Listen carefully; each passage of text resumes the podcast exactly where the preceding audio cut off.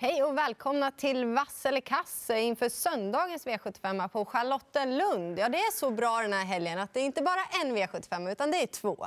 Så är det. Copenhagen Cup avgörs otroligt mycket utländska hästar som dyker upp också. Och det är ju verkligen någonting att grotta ner sig i, för där finns ju spelvärdet också. Ja, blir det svårare då den här omgången? Ja, det är ju fler eh, som kanske inte kände till de som startar, så det är klart att det blir svårare. Mm, det är mycket att tänka på. Det är en speciell bana.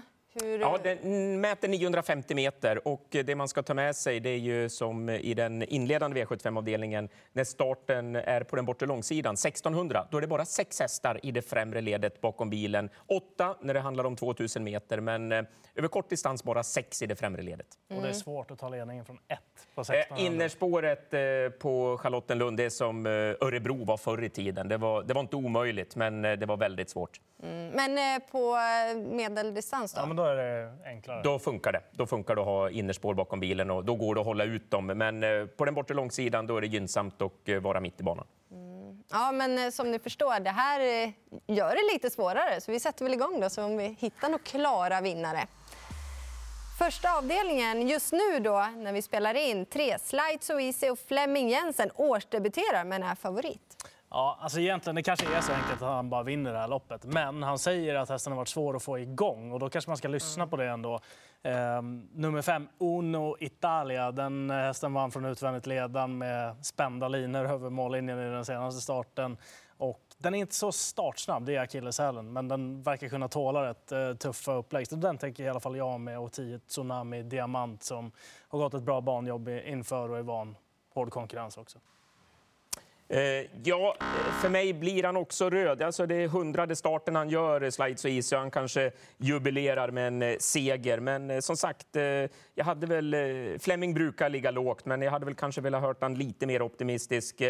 Tsunami Diamant kom inte till sin rätt på Vincennes. Det är inte alla hästar som gör det. Men blir en ordentlig öppning på det här loppet så har vi ju sett den här imponera tidigare.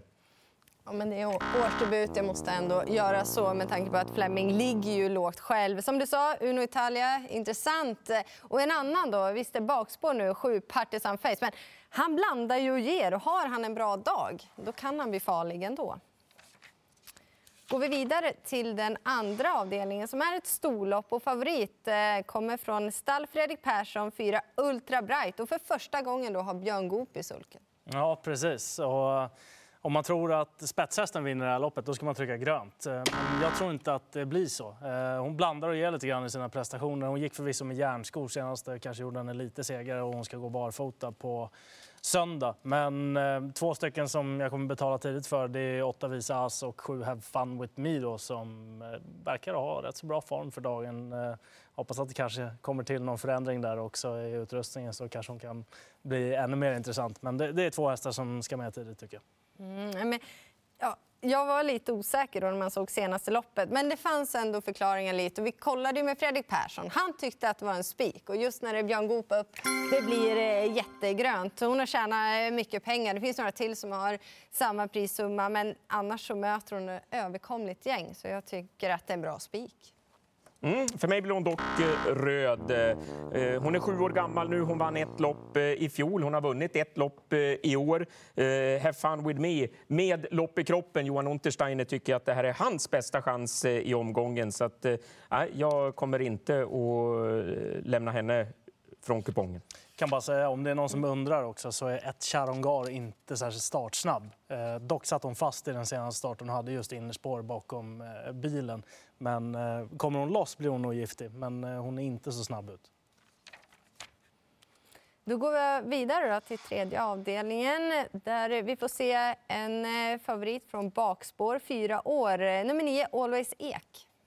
Ja, eh, jag har imponerats av eh, den här hästen nere på Vincennes. Tre raka segrar, det är inte enkelt att ta. Men han är matchad mot eh, bara fyraåringar. Det har varit ganska så få hästar med i de eh, fälterna. Björn Goop har kört, han har fått styra och ställt som han har velat nere på kolstuben där. Och innan de här tre raka segrarna, då hade Always Ek eh, tjänat 250 000. Nu möter han hästar som är äldre, de har mycket mer rutin och jag fortsätter att tjata om Johan Untersteiner sex. Rofi tycker jag är härdad i tuffa gäng och eh, gick eh, bra senast eh, från ett eh, svårt utgångsläge, så den är på gång.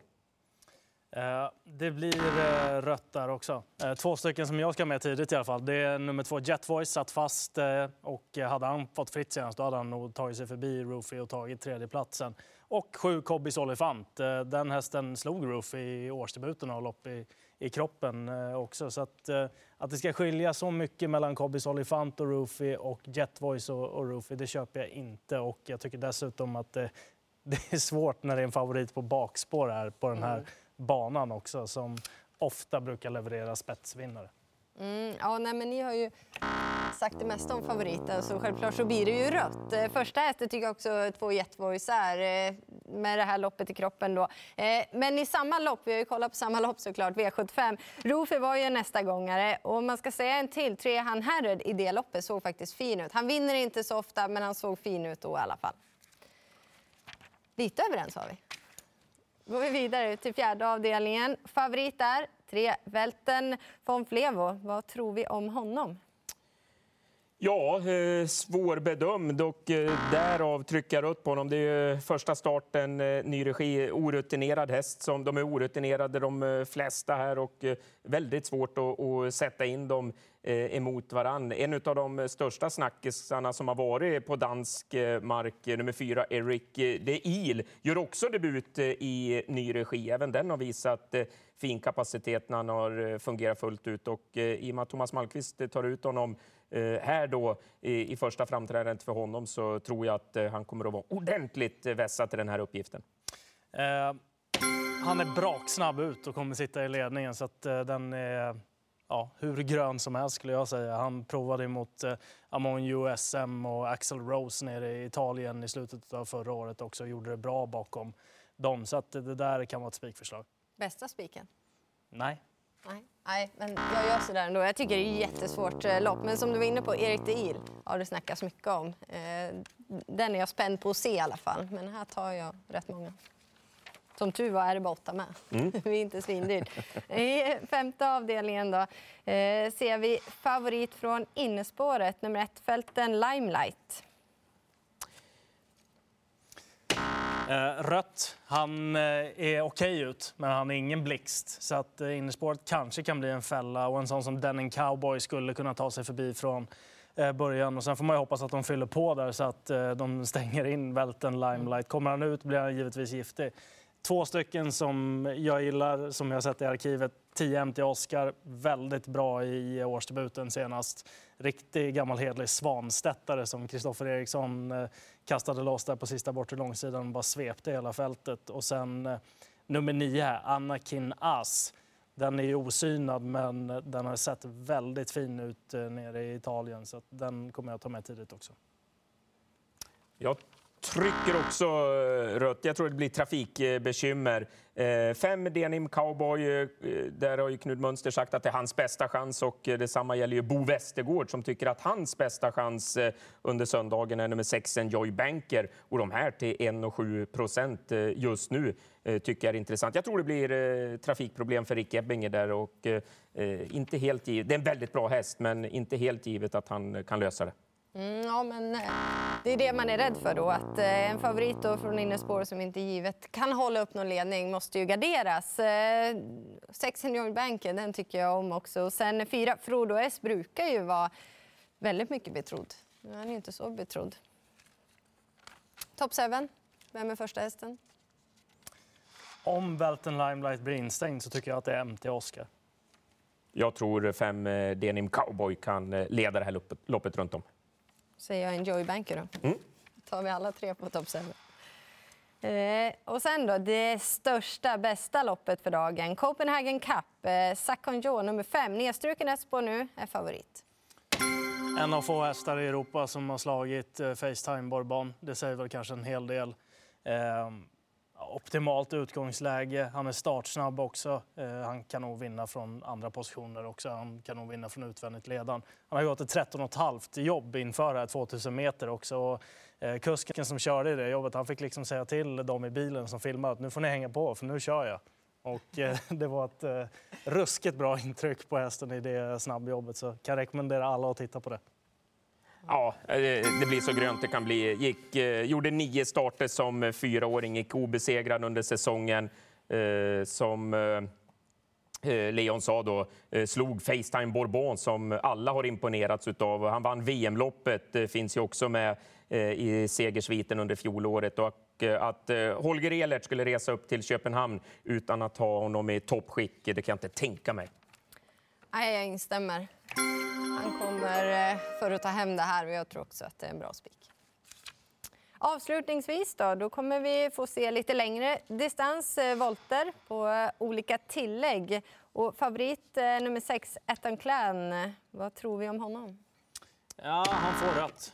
Han är säkert bra själv och har gått många fina lopp i Holland. Men han stöter på en häst här som heter Blair Duchesse som är van att möta hästar som clean game över lång distans och brukar göra det bra bakom honom. Så för min del så blir Blädderkärrs det kompletterande spikförslaget och Jos Verbeck han har kört mycket i Skandinavien också så han kan skandinavisk voltstart. Ja, eh, sådär. Jag tycker nog att eh, nummer 13, Bled eh, också ska vara favorit. Jag vet inte riktigt om jag vågar spika för att ett sånt här lopp kan det ju ändå skrälla lite. Det kan ju hända någonting. Men första häst det ska i alla fall 13 vara. Mm, eh, Etten Clan blir eh, röd för mig också.